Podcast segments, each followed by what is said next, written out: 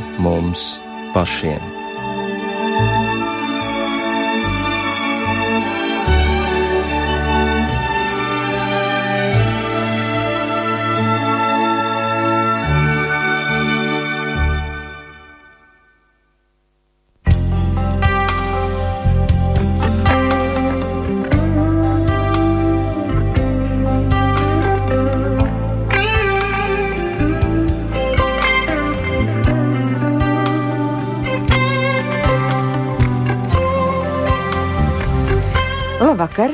Studijā Rīta Brunēvica, skaņu režijā Iveta Zvejniece, skan raidījums pāri mums pašiem.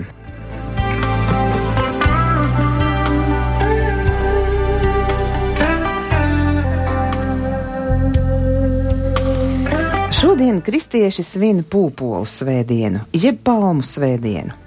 Šajā dienā atceramies, kā Kristus dažas dienas pirms savas nāves ar ļaužu gavilēm pavadīts ieradās Jeruzalemē, lai piepildītu savu misiju.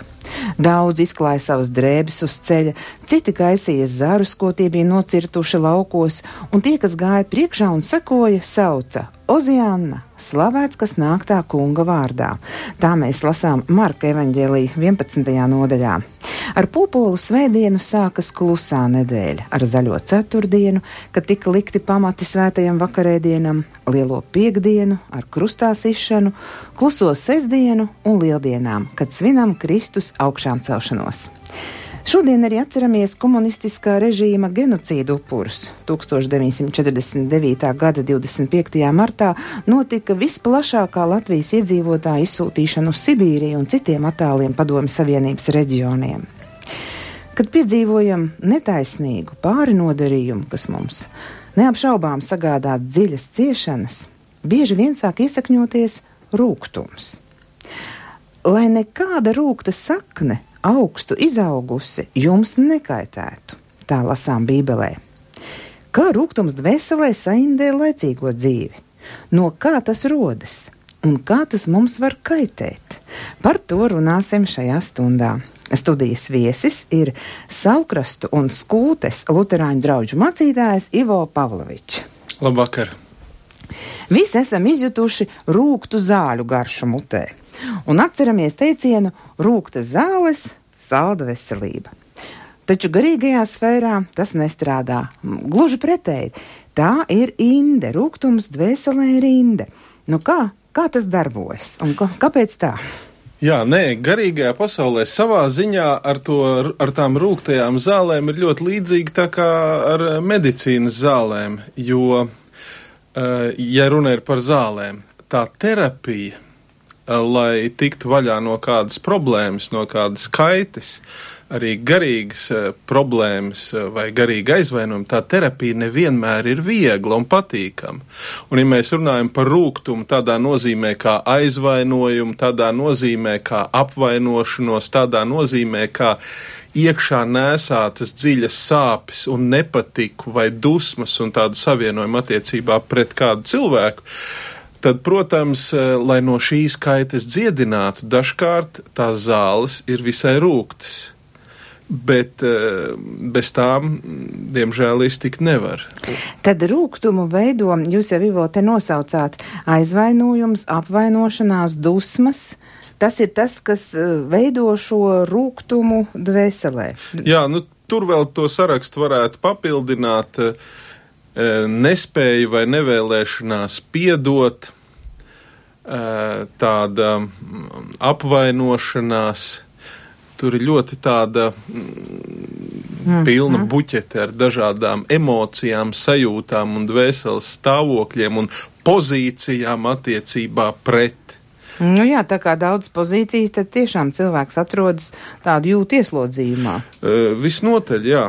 Un, un, ja cilvēks atrodas ieslodzījumā un rūkums, sarūktinājums, pamatots vai nepamatots, parasti jau visiem, kur ir sarūktināti, vienmēr liekas, ka viņiem ir tiesības, viņiem ir pamats. Nu, es varētu pateikt, nevis viņiem. Mēs jau visi pazīstam sarūktinājumu, nevis tā kā runājot par kādu citu, bet arī pašu no sevis.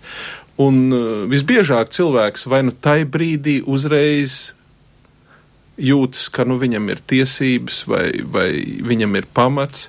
Eh, sliktāk ir, ja arī tad, kad emocijas noplok, eh, sajūtas eh, tās pirmās noplok, arī tad cilvēks paliek pie šīs domas, ka Eh, viņam ir uz to tiesības, viņam ir pamats un, un neizskata kādas citas iespējas. Bet es domāju, tas arī tomēr ir kaut kur pamatoti domāt, ka ir pamats.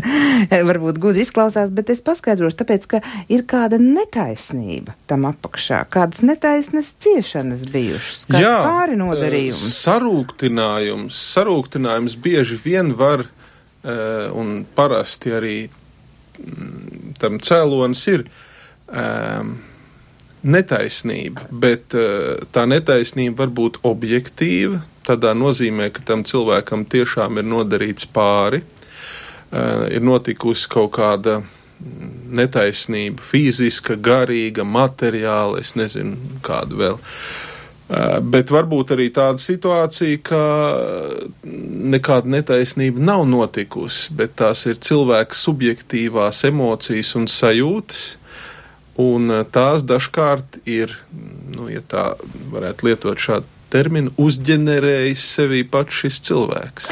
Nu, bet kaut vai atgriežoties pie vēstures, šodien mēs pieminam komunistiskā režīma genocīdu upurus, daudzi netaisnīgi cieta. Tika, absolūti. Protams. Absolūti. Un, nu, kā lai tas rūkums nerodas, vai ne, pret šo lielo netaisnību? Es, e, e, es domāju, ka.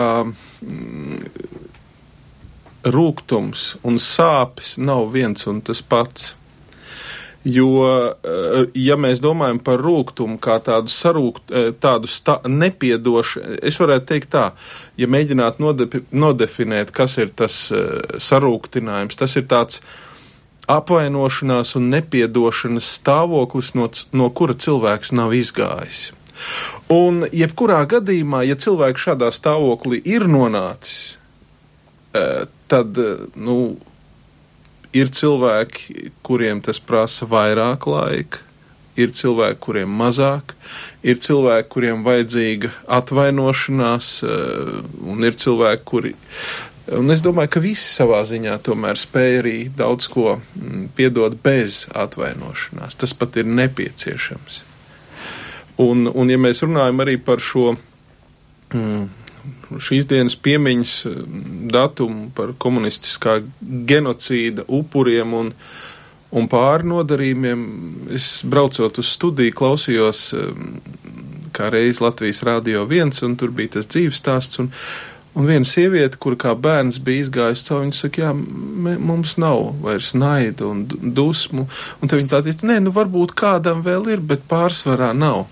Un, un tas ir tas, kas mani ir sajūsminājis pie tiem cilvēkiem, ar kuriem es personīgi esmu ticies, runājis par visu šo pārdzīvoto, um, par šo netaisno izsūtījumu, par tuvinieku nāvi, par vecākiem brāļiem, māsām, maziņiem un veciem. Un, un patiešām es redzu uh, šo cilvēku stāstos, viņu sirdīs, viņu emocijās sāpes par to, kas ir bijis. Bet redziet, var būt tā, ka cilvēkam ir sāpes, bet nav rūkuma, nav dusmu, nav nepiedošanas vairs. Jā, tas ir tas, ko mēs novēlam katram, kas izjūt rūkumu. Padomāsim tālāk par to, kas tad ir tās rūktās saknes mūsu dzīvēm.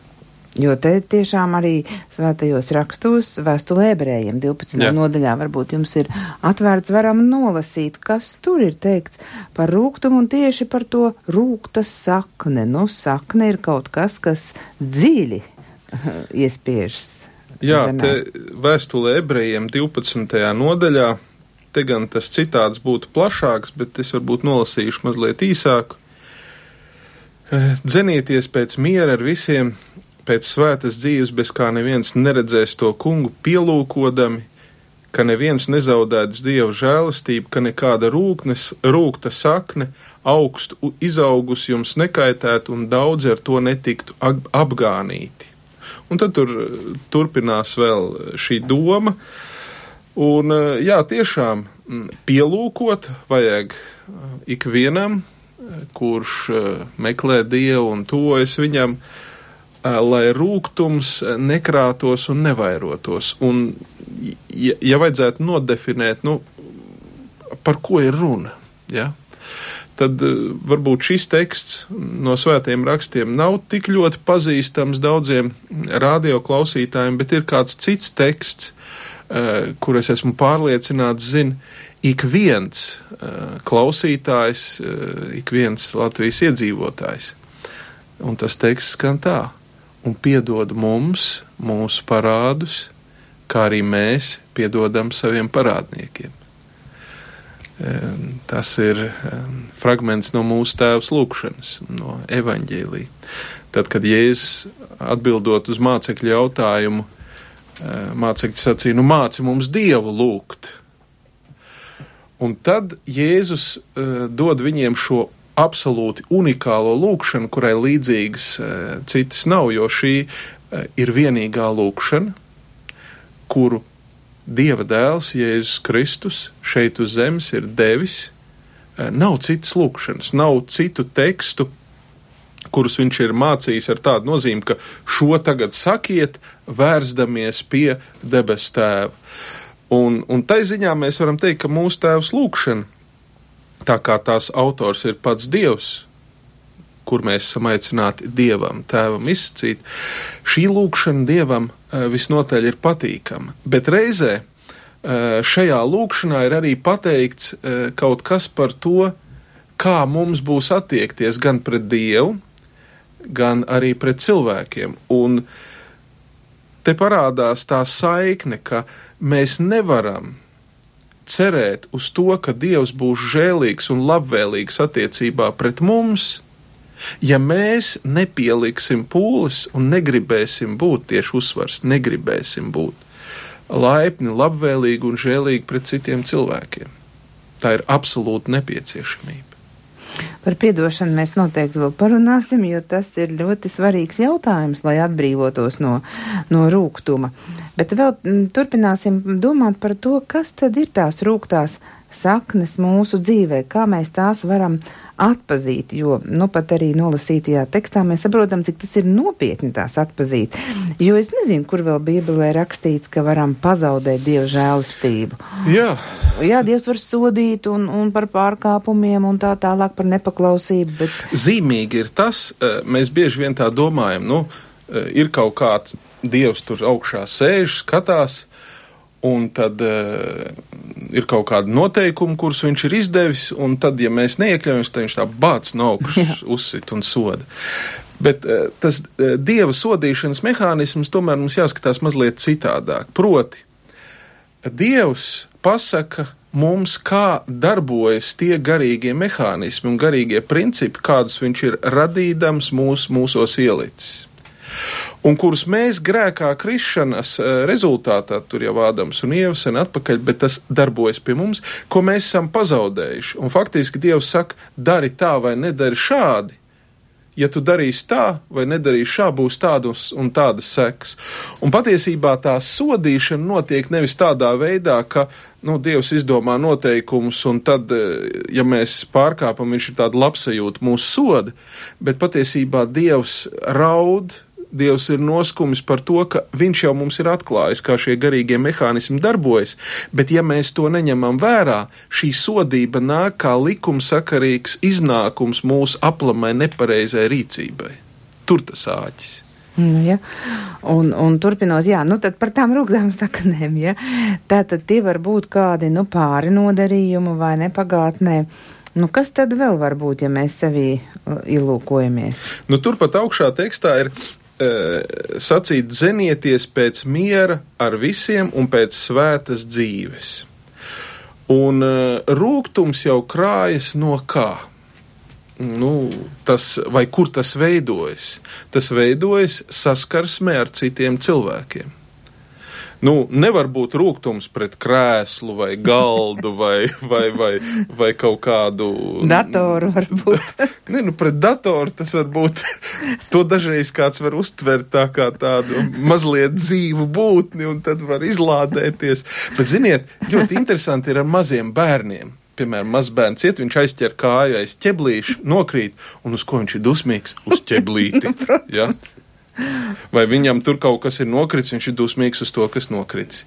Un tad mēs tā pieauguši jau tā varam redzēt, à, tie mehānismi nav pazuduši. Tikai tam mazajam bērnam viņi ir tik smieklīgi, primitīvi un skaidri redzami. Mēs pieauguši, mēs tā it kā nomā, nomācam to un kaut kā mākam notušēt, bet uh, patiesībā uh, nu, būtība jau ir Nemainā. saglabājusies, vai ne? Bet uh, par to rūgtumu runājot, jā, rūgtums rodas mūsu saskarsmē ar cilvēkiem tad, kad mēs kaut ko gaidām, bet nesagaidām kaut ko ceram, bet tas nepiepildās. Mēs esam izdomājuši kādu scenāriju, kā cilvēkam vajadzētu attiekties pret mums. Mēs kaut ko ilgojamies un sagaidām no viņa, bet šis, eh, šīs mūsu ilgas un gaidas nepiepildās. Cilvēks rīkojas citādāk, nekā mēs to gribētu, nekā mēs to sagaidītu. Un tad, protams, parādās eh, neapmierinātība, kuras sākumā Eh, vai kā vienreizējs notikums, rūkums nav kaut kas tāds, kas var rasties tā, uz vienu sitienu, tā, ah, un rūkums. Ja. Rūkums tas ir process, kurš rodas, kurš mm, notiek dažādām saskarsmē, dažādiem notikumiem, uzkrājoties, summējoties, un e, tādām neatrisinātām, neizrunātām, neiekārt, nenokārtotām e, lietām, summējoties, tas parādās kā tas rūkums un, es pat teiktu, iekās aizvainojums.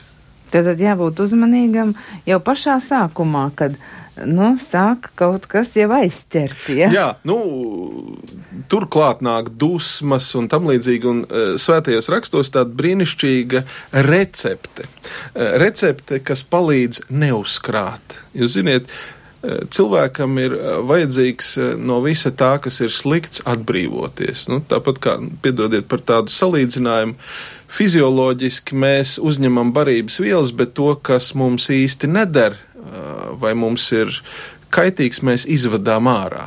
Ja? Un līdzīgi ir arī ar tām lietām, kuras mēs garīgi vai emocionāli saņemam. Ne visu mums vajag uzkrāt, mums nu, vajag izvadīt un uh, vajag no tā atbrīvoties. Un, um, tādēļ ir labi sekot tam principam, ko Dieva vārds saka. Saulē nenoriet, jums dusmojoties, nedodiet vietu vēlnam.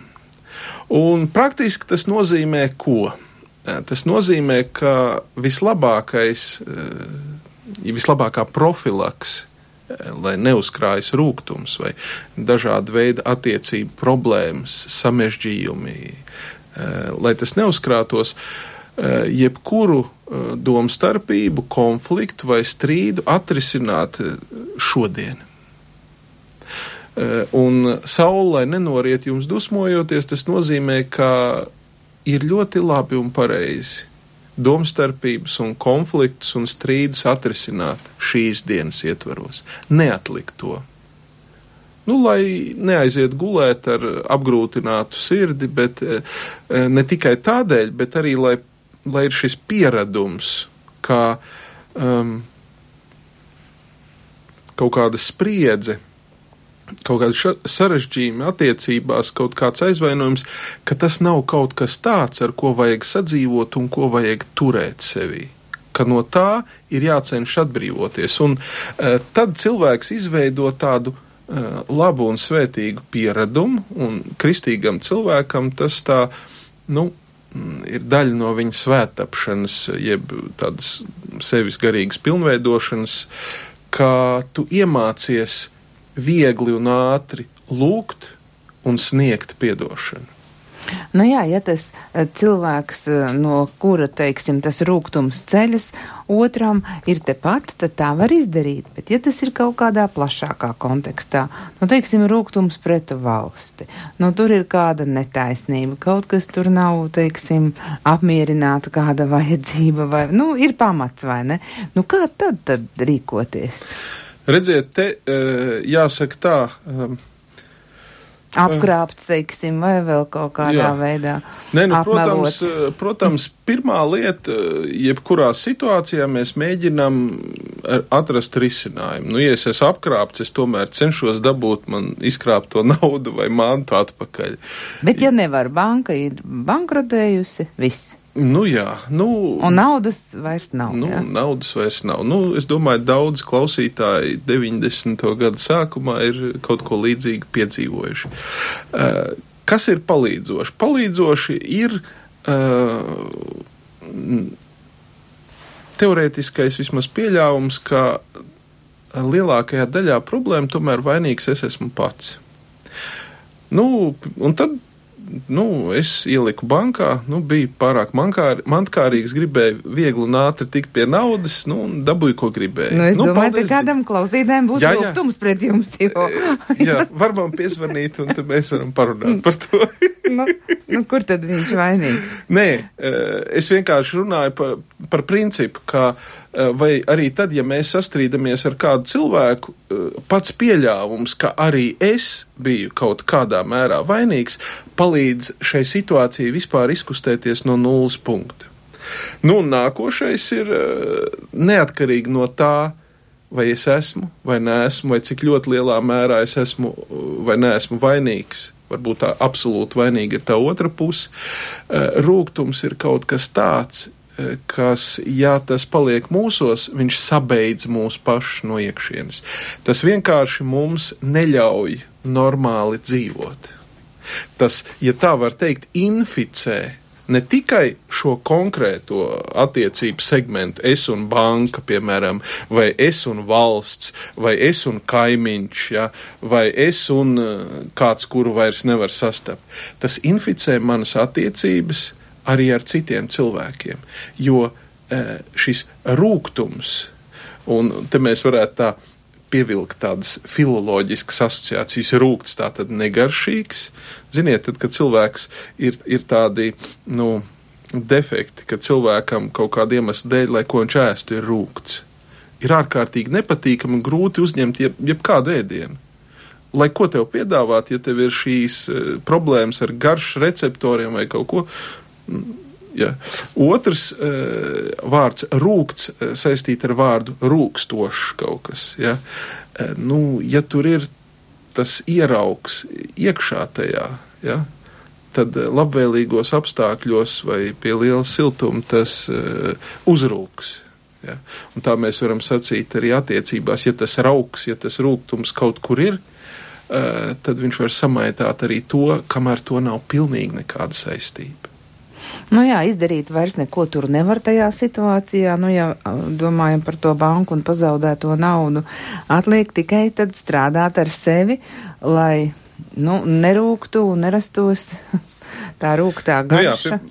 Cilvēku iekšienē. Nu jā, romiešu filozofs, dramaturgs, valsts vīrs Seneka ir sacījis tā: vislabākais līdzeklis pret rūgtumu, ko radīs apvainojums, piedošana. Savu skanējumu turpina raidījums pāri mums pašiem. Šovakar domājam par to, kā tad cilvēka dvēselē iezogas rūgtums, un kā tas laiž dziļi savas saknes, un kā tas mums var kaitēt, un no kā vispār tas rodas. Studijas viesis ir Salkrastu un Skūtes Luterāņu draugu mācītājs Ivo Pavlovičs. Raidījuma pirmajā pusstundā jau esam izrunājuši par to, ka rūkums ir vesels process, tas summējas no dažādā, dažādiem emocionāliem stāvokļiem, no aizvainojuma, apvainošanās, no nevēlēšanās piedot. Tajā kokteilī ir arī dusmas, sacelšanās, skumjas un tā tālāk. Rūkums var būt gan objektīvs, gan subjektīvs. Objektīvs tad, ja tas ir tiešām nu, ka apakšā ir kādas netaisnas ciešanas, pāri nodarījumi, tā tad netaisnība, bet katrā gadījumā rūgtums ir tāda, nu, tāds stāvoklis, kas krājas e, un tiešām dzen to, to dziļo sakni, un tas ir vesels process, kas summējas. Un recepte, recepte tam būtu, kā teica studijas viesis, ir teksts no Bībeles - Saule, lai jums nenoriet dusmojoties. Nu, un, bet pamats visam, kāpēc mēs par šo tēmu runājam, ir tas, ka Bībelē vēstulē ebrejiem ir rakstīti tādi nopietni vārdi, proti necitēšu visu, tikai tādu nelielu izvilkumu, lai neviens nezaudētu dieva žēlastību, un lai nekāda rūkta sakne augstu izaugusi jums nekaitētu, un daudzi ar to netiktu apgānīti. Lūk, tā tad rūktā sakne mums var kaitēt ļoti nopietni. Mēs pazaudējam dieva žēlastību un vēl pie tam tiekam apgānīti. Bet ko darīt, ja kā dziesmas laikā mēs atcerējāmies vienu citu dziesmu ar studijas viesi, kur ir tādi vārdi - rūkts nav tikai analgīns, bet visa dzīve. Nu, ko darīt, ja visa dzīve šķiet rūkta? Es tikko pirms uh, mūzikas pieminēju uh, Seneku, romiešu filozofu un uh, dramaturgu valsts vīru, un šis pats Seneka, viņš saka tā, Daba tā ir iekārtojusi, ka nodarītie apvainojumi ilgāk turas atmiņā nekā labie darbi. Labais piemirstas, bet sliktais spītīgi par sevi atgādina. Te uzreiz kā mācītājs es varu sacīt, nevis daba tā ir iekārtojusi, varētu pie, piebilst pie Senekas sacītā, bet kopš grēkā krišanas tā mūsu daba ir deformēta tādā veidā, ka tiešām uh, apvainojumi ilgāk turas atmiņā nekā eh, labie darbi un eh, labie vārdi. Un tas ir tāds process, kas mūsos visos darbojas, un, diemžēl, tas ir fakts, kur mēs varam konstatēt, ka, nu, paskatāmies ziņas, jā, nu, cik daudz ir ziņu par labajiem notikumiem, kā kāds labs eh, vīrs eh, gādā par savu labo sievu un labi audzina bērnus. Ja? Nu, vai kāds labs vī, valsts vīrs labi vada valsti, vai kāds uh, bankas prezidents labi vada banku, ja? vai kāds uzņēmējs labi vada un visiem labi maksā algas savā labajā uzņēmumā. Ja? Nu, kaut kā skatoties ziņas virsraksts, rodas iespējas, ka, nu, ja tādi ir, uh, nu, tad ļoti reti un ļoti maz, bet pārsvarā liekas, nu, visapkārt nelieši un ļaundari. Ja? Kā tu tur cilvēks ne, neapvainosies? Nu, tādā ļaunā pasaulē mēs dzīvojam.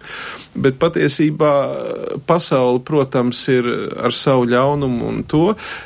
Bet uh, mums ir šī, mm, diemžēl, selektīvā vai selektīvi deformētā uztvere, kurā mēs ļoti ātri un viegli reaģējam uz slikto, un salīdzinoši ar piespiešanos un ar tādu ma mazliet piepūli e, uz labo. Un tādēļ, e, lai sasniegtu kādu labu rezultātu bez piepūles, tas nav iespējams. Un tā ir tā e, problēma, un tas ir tas iemesls, kāpēc, kāpēc mums apvainojumi un varbūt sliktās lietas labāk paliek atmiņā nekā Esam kaut kur slinki, ja visa nu, dzīve šķiet rūkta, tā tad esam pasīvi paši un nepūlamies fokusēties uz pozitīvām lietām. Nu, tautas dziesmie ir ļoti labi. Visi man labi bija, ja es pati laba biju. Un, un bieži vien mēs e, cilvēku sev apkārt ieraugam kā tādu apgrieztu spoguli. E, mēs runājam un domājam par cilvēkiem, izējot no tā, kas ir mūsos pašos. Un tādēļ e, patiesībā jo vairāk mēs spējam um, tikt vaļā paši ar savu šo rūkumu, ar savu šo nepiedošanu, jo vairāk mēs ieraudzīsim, un, un, ja tā var teikt, mums tās acis atvērsies, un mēs to labo vairāk ieraudzīsim. Un faktiski šeit ir, eh, nu, ja pirmā brīdī varētu likties, nu jā, pasaulē tik daudz, kā to cīņu uzvarēt, un kā, nu, taču nevar iet katram izmainīt viņa dzīvi. Es izstāstīšu vienu starp citu piemēru, kas man ienāca prātā. Eh, reiz bija, mēs gājām pie manas sievas māsas. Tur eh, miera ielā viņa bija noierējusi kādus pāris gadus tur tādu dzīvoklīti pirmajā stāvā. Un eh, tad, kad pie viņas nāca, vajadzēja iet eh, tajā vecajā mājā pa parādes durvīm. Tad tur bija tāds koridors. Koridorā bija kreisai pusē vienas durvis uz dzīvokli, un šīs durvis bija tieši blakus nākamajām durvīm, kuras jau caur kurām iziet ieeja kāpņu telpā, un tai kāpņu telpā vīķņu kāpnes uz augšu, un, un turpat pirmajā stāvā dzīvoklī dzīvoja tā sievas māsa. Un Mēs aizgājām tur pirmo reizi, viņa tikko tur nesen bija pārvākusies, un mēs nu, nezinām tur neko. Nu, mēs attaisām tās durvis, izējam, ieejam pa pirmajām durvīm tajā koridorā, kur ir viena šī ieeja uz vienu dzīvokli, ejam pa nākošajām durvīm, a tās ir tādas, kur eņģis verās uz abām pusēm. Mēs tās durvis pagrūžam uz priekšu, viņas plaši atverās, tad viņas ar uh, spēku nāk atpakaļ, skaļi sasitās savā starpā, atsitās pret tā dzīvokļa durvīm, kurš ir koridorā, un tad vēl dažas reizes atsistoties nomierinās. Tajā brīdī atverās durvis, un iznāk nikna kaimiņiene, kura sāk mūs audzināt un stāstīt par to, kā ir jāver durvis. Un pēc viņas reakcijas var saprast, ka viņa to nedara pirmo reizi, un viņa tādā veidā ir apņēmusies izaudzināt visus, kurš šeit ienāk. Protams, ja paskaidro dzīvokļus, viņai tas varētu izdoties, bet, ja ņem vērā tos, kuri nāk ciemos, šī ir neiespējama misija pat tādas vienas nelielas mājas ietvaros. Un patiesībā sakot, viņa krāja rūkumu, un sarūktinās pati un sarūktina citus, dusmīgi izgāžot savu neapmierinātību un visādi tur apvainojot tos, kur tur iet. Tā vietā eh, šo rūkumu vai sarūktinājumu varētu atrisināt, eh, es teikšu tā tehniski. Salabojot durvis vai pieskrūvējot zemē tādu atdurīti, lai pret viņas durvīm nesits. Jo tad viņi tiktu atbrīvoti no, no šīm milzīgajām pūlēm, izaudzināt visus. Un patiesībā mēs nonākam pie viena tāda secinājuma: vislabākais ir izaudzināt vai pielikt pūles, lai audzinātu sevi, jo tas ir sasniedzams mērķis. Bet audzināt citus, un kaimiņus, tautiešus un pārējos, tā ir neiespējamā misija. Bet Dievs mums nepiedāvā kādu neiespējamo misiju, bet iespējamo. Un izmainies pats un ieraudzīs, kā tūkstoši ap tevi izmainās. Vai rūkums, jūsuprāt, ir lipīgs? Uh, varbūt, varbūt ripi, lipīgs. Jā. Ka redz, ka... Ģimenes ietvaros bieži vien, diemžēl. Jā, turpinot par, par šo svarīgo lietu piedošanu, jo to mēs varam tā kā likt pretīm rūgtumam un, un stumt viņu ārā, ja to, to sakni ravēt ārā no, no savas uh, iekšējās pasaules. No tā jau ir pasaulē ir daudz netaisnības, un, lai noturētos vispār virs ūdens, ir jāpiedod, jo savādāk tiešām mēs nogrimsim. Bet, ja atgriežamies pie tā, ir nodarīta netaisnība, nu vai tad mēs, nu tā vienkārši varam no tās atteikties? Nu, netaisnības nevar atteikties, bet uh, nevar arī izlikties, ka viņas nav. Ar viņu kaut kas ir jāiesāk, ar šo, ar, ar šo netaisnību kaut kas ir jādara. Un, eh, protams, ja runa ir par netaisnību, kurā ir pārvarama, kura ir atrisināma, tad, protams, jebkuram cilvēkam ir jāpieliek pūles, ja tu redzi netaisnību. Pieliekam pūles to apstādināt. Ja tu pats dari ne, netaisnību, apstādina sevi un izlabo šīs izdarītās netaisnības sekas. Bet, diemžēl, mēs dzīvojam tādā pasaulē, kur visas netaisnības atrisināt nav iespējams. Vienīgais, eh, dažkārt, ko mēs varam atrisināt, ir mūsu attieksme pret mums nodarīto netaisnību. Un uh, tas, ko Dieva vārds mums māca, tas ir piedošana. Tas ir vienīgais reālais uh, risinājums, kurš atrisina netaisnību, piedošanu. Turklāt uh, mums nevajag skatīties uz piedošanu kā vājuma pazīmi. Ja? Uh, nu, viņš nav kristietis, bet Gandijs sacīs, ir, ka vājais nespēja piedot. Piedošana ir stipro raksturiezīme. Ja? Un uh, tieši to pašu mēs varam atrast arī svētajos rakstos. Jā, tas ir fakts, ka uh, tās ir tās rūgtās zāles, par kuru, kurām es sacīju raidījuma sākumā, ka terapija Eh, dziedināšana, ja, spērt šo soli un piedot. Tur cilvēkam iet cauri, bet kā, bet nu kā tad, vai tad es, un tas tā lielā pretruna, kas ir cilvēkā, vai es nevairošu ar šo piedošanu ļaunumu? Jo cilvēkam ir šī instinktīvā sajūta, ka, uh, ja es nepiedošu, varbūt tad es vairošu šo ļaunumu. Te, protams, mums ir jānošķir, vai runa ir par nodarījumu man vai kādam citam, eh, man nav jācenšas piedot citu vietā. Jo, nu, pieņemsim, ja mēs runājam tagad arī par uh, upuriem, kur ir cietuši, netaisni cietuši absolūti. Uh, man nav jākļūst par to, kurš baksta šim cilvēkam ar pirkstu un saka, tev ir jāpiedod. Vai man nav nu, kaut kādā veidā jāuzņemās šī atdošana uz sevi, tas ir process, kuram ir jāiziet cauri katram pašam. Tikai tad šī atdošana būs īsta. Un atdošana faktiski ir ceļš uz atbrīvošanos no naida, no dusmām, no rūkuma. Tā ir savas dzīves atbrīvošana, lai tu vienkārši varētu dzīvot.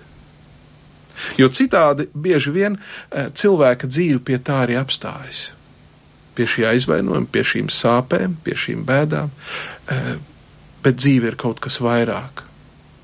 Jā, domājot par šo raidījumu, es tā pārlapoju grāmatu Piedot un aizmirst, un, un arī te izrakstīju divus jautājumus, kas man šķiet labi virza uh, šajā te procesā ceļā uz piedošanu. Nu, lūk, vai tev ir jāiesaldē sevi nežēlīga pagātnes brīža netaisnīgumā, prasa grāmatas autors, vai ne? Vai tu gribi, lai tava personīgā pasaule apstājas tajā nožēlojamā tavas neatgriežamās vēstures epizodē? Redz, mēs bieži vien, un varbūt tā ir tā problēma, uz piedošanu skatāmies uh, kā uz vājumu, tādā nozīmē, ka tā ir samierināšanās, nu, tur neko nevar darīt, bet eh, jāsaka tā, eh, Šillers, vācu dramaturgs, viņš saka, no visām uzvarām vislielākā piedošana. Un te mēs ieraugam piedošanu pilnīgi citā gaismā, ka tā ir cīņa. Tātad tas brīdis, kamēr tu izcīni šo cīņu ar sevi, vai piedot vai nepiedot, uz kādiem nosacījumiem vai bez nosacījumiem. Un tad, kad šī piedošana ir notikusi, tā ir uzvara. Tā ir uzvara pār situāciju, tā ir uzvara pār e, šīm uh, problēmām. Ja? Tā ka tā nav vienkārši kaut kāda mm, nu, tādas, tāda pasīva samierināšanās ar sekām vai, vai pasīva tāda paiešana malā.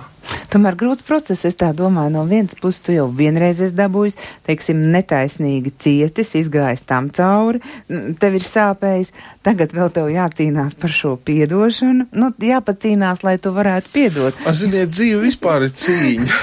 nu, ja, jo tas jau nav tā vienkārši, tā kā bija knipis, ja, un piedodu, ja, nav. Dažkārt ir. Nu, jā, Dažkārt varbūt. ir.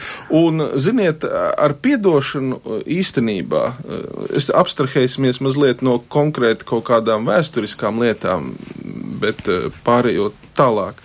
Eh, piedošana ir tā lieta, kur var ietrenēt. Ja? Eh, un, un īstenībā, ja mēs paskatāmies uz cilvēku saskarsmes etiķeti, tu pieeji cilvēkam klāt, tu netīšām uzgrūdies viņam. Atvainojiet, piedodiet. Ja? Tā ir tā pati trenēšanās. Ja? Tu jau vari vienkārši pagrūst un, un aiziet neko nepateicis. Tu vari uzkāpt otram uz kājas, dusmīgi norūkt trombējā, trolēbusā un viss. Bet šis mazais, piedodiet, atvainojiet, tā ir šī trenēšanās. Ja? Tā ir dzīve.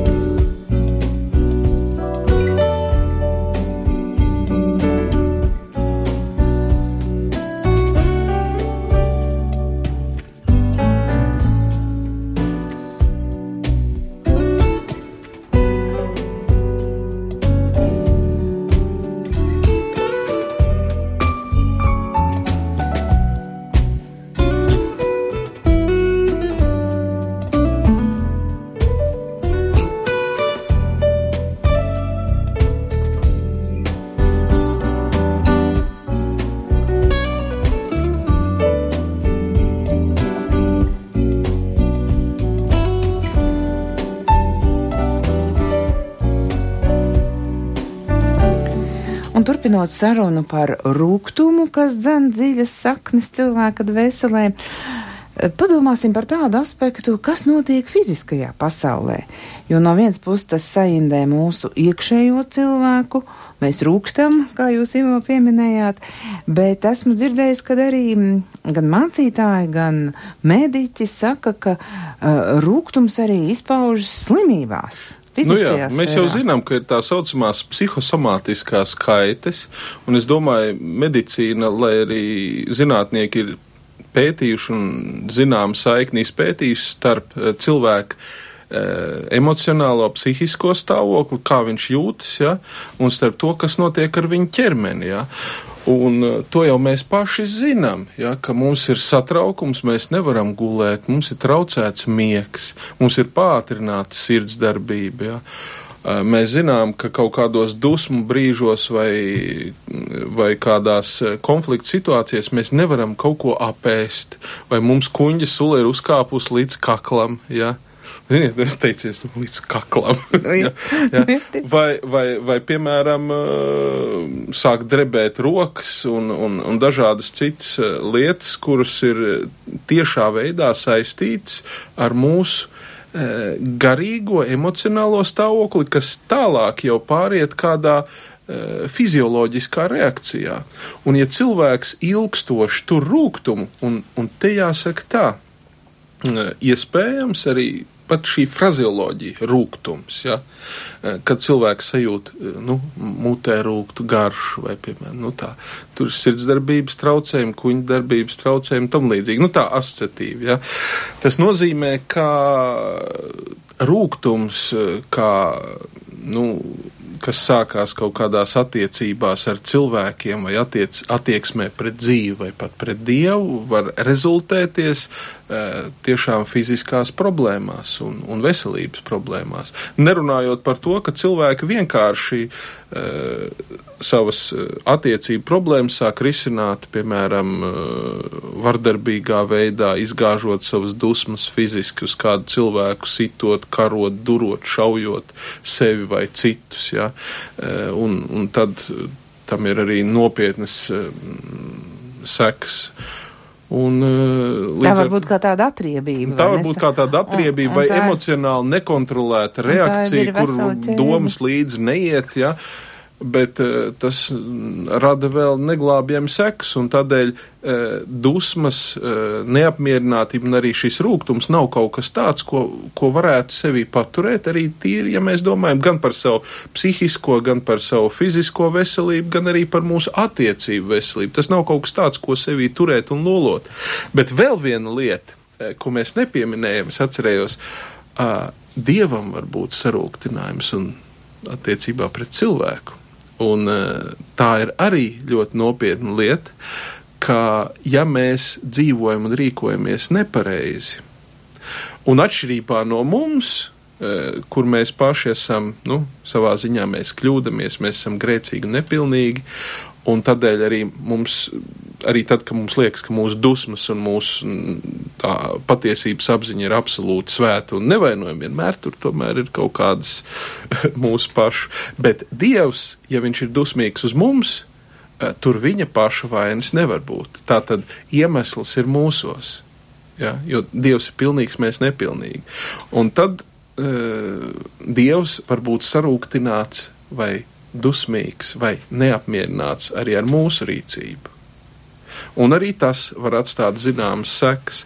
Tādēļ e, mums ir jādomā tādās trīs mm. dimensijās - horizontālā, sarūktinājums starp cilvēkiem un vertikālā. Un varbūt arī tā, ka cilvēks ne tikai uz uh, citu cilvēku sarūktināts, bet viņam liekas, ka Dievs viņam nodara netaisnību. Jā, daudz ir sarūktināti par visaugstākā, teiksim, kādu rīcību vai gluži otrādāk par neko nedarīšanu. Nu, tā, tā daudziem šķiet, jā, bet tur jau laikam ir kaut kas cits vai ne apakšā. Nu, tur noteikti ir kaut kas cits, tāpēc, ka būt sarūktinātam pret Dievu, tas ir, nu, īsti neloģiski, tādēļ, ka ja mēs reāli apzināmies Dievu kā Dievu, nevis Dievu kā kādu citu cilvēku, ja, ja mēs tā, es domāju, ka bieži vien tie, kuri sarūktināti uz Dievu, viņi kaut kā eh, novelk to Dievu līdz tādam cilvēka līmenim un, un tā. Bet eh, ja, visbiežāk, ja mūsos ir sarūktinājums uz Dievu, tad pirmais jautājums būtu, bet vai tu kā cilvēks attiecībā pret Dievu viss esi darījis pareizi? Vai tu esi taisni un godīgi dzīvojis. Ja? Un, ja tā, nu, tad var jautāt tālāk. Ja? Šai sakarā par sarūktinājumu vai attiecībām ar Dievu ļoti interesanti ir palasīt īņķa grāmatu. Tā ir ļoti vērtīga lasām viela. E, tad, kad ir e, tā sajūta, ka Dievs varētu būt netaisnīgs pret mani, ja? vai es sevī vainas neatrodu, kāpēc ar mani noticis ir tas un tas. Nu, jā, un tā jau taisni un godīgi nodzīvot mums ir grūti, bet tad atkal domājam par to tālāk, kas mums ir Jēzus Kristus, ja, kur es arī raidījuma sākumā pieminēju, jo šodien ir pūpolsvētdiena, palmasvētdiena, ja. Un, un, un tad, lūk, protams, ka mēs nevaram vai nenodzīvot viss perfekti, bet tāpēc jau arī ir šis Kristus, vai ne, kurš mūs uh, saprot un, un piedod. Kurš mūs samierina ar Dievu. Un, eh, un tur ir tas, eh, ka, ja mēs, ko mēs redzam eh, pulpoles svētdienā, mēs atzīmējam to, ka Jēzus ienāk un viņu sagaida ar ķēnišķu godu. Bet nevienmēr cilvēki saprot, vai ir sapratuši Jēzu. Jā, Jēzus ir ķēniņš un kungs, bet viņš negrib kļūt par cilvēku laicīgās dzīves, politikas, ekonomikas un tā tālāk kungu. Viņš grib valdīt pār cilvēku sirdīm pār viņu dzīvēm. Un tas, ko Kristus nākdams parāda, viņš nāk samierināt cilvēkus savā starpā un cilvēkus ar Dievu. Tādēļ viņš Jeruzalēm ieeja ēzeļu mugurā, parādot pazemību. Bet iedomājieties, kas var būt fantastiskāks par tas skan īstenībā dīvaini pazemīgu Dievu. Un, ja kāds grib eh, kādreiz sacīt, man Dievs un to un to ir darījis netaisni, nevajag domāt par Dievu tikai tādā nozīmē kā baušļi un vecā derība, bet padomāsim par Dievu, kurš mūsu dēļ ir dzimis, dzīvojis, cietis, miris pie krusta. To Dievu, eh, kurš atklājas Kristu.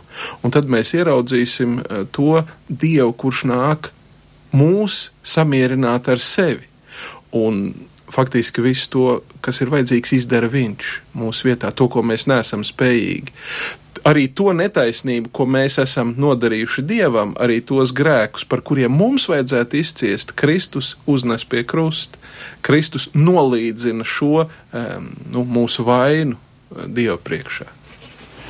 Jā, nākamā nedēļa jau sākas klusā nedēļa, tad arī tajā, es domāju, varam ieiet ar šīm pārdomām, sevis izmeklēšanu, kā mēdz teikt, vai ne sevis pārbaudīšanu, vai tur ir kāds rūkums, vai tur nav. Un mums vēl viena minūte palikusi. Kāda tad būtu šie ieguvumi no tā, ka, ja mēs pamanām kādu rūkumu, mēs to sakni raujam ārā un izraujam, ko mēs iegūstam? Mēs iegūstam mieru savā sirdī. Un, ziniet, tas ir ārkārtīgi liels iegūms, ka tu vari mierīgi aizvērt acis un saprast, ka nav neviena cilvēka, uz kuru tu dusmojies vai kuram tu nepiedod. Un ka tev ir miers arī ar Dievu, tu zini, ka Viņš tevi pieņem, tu un tevi pieņem. Paldies! Izskan raidījums pāri mums pašiem šovakar. Studijas viesis bija Salkrastu un Skūtes Luterāņu draugu mācītājs Ivo Pavlovičs. Par raidījumu skanējumu rūpējās Iveta Zvēniece, to vadīja Rinta Bružēvica ar labvakaru.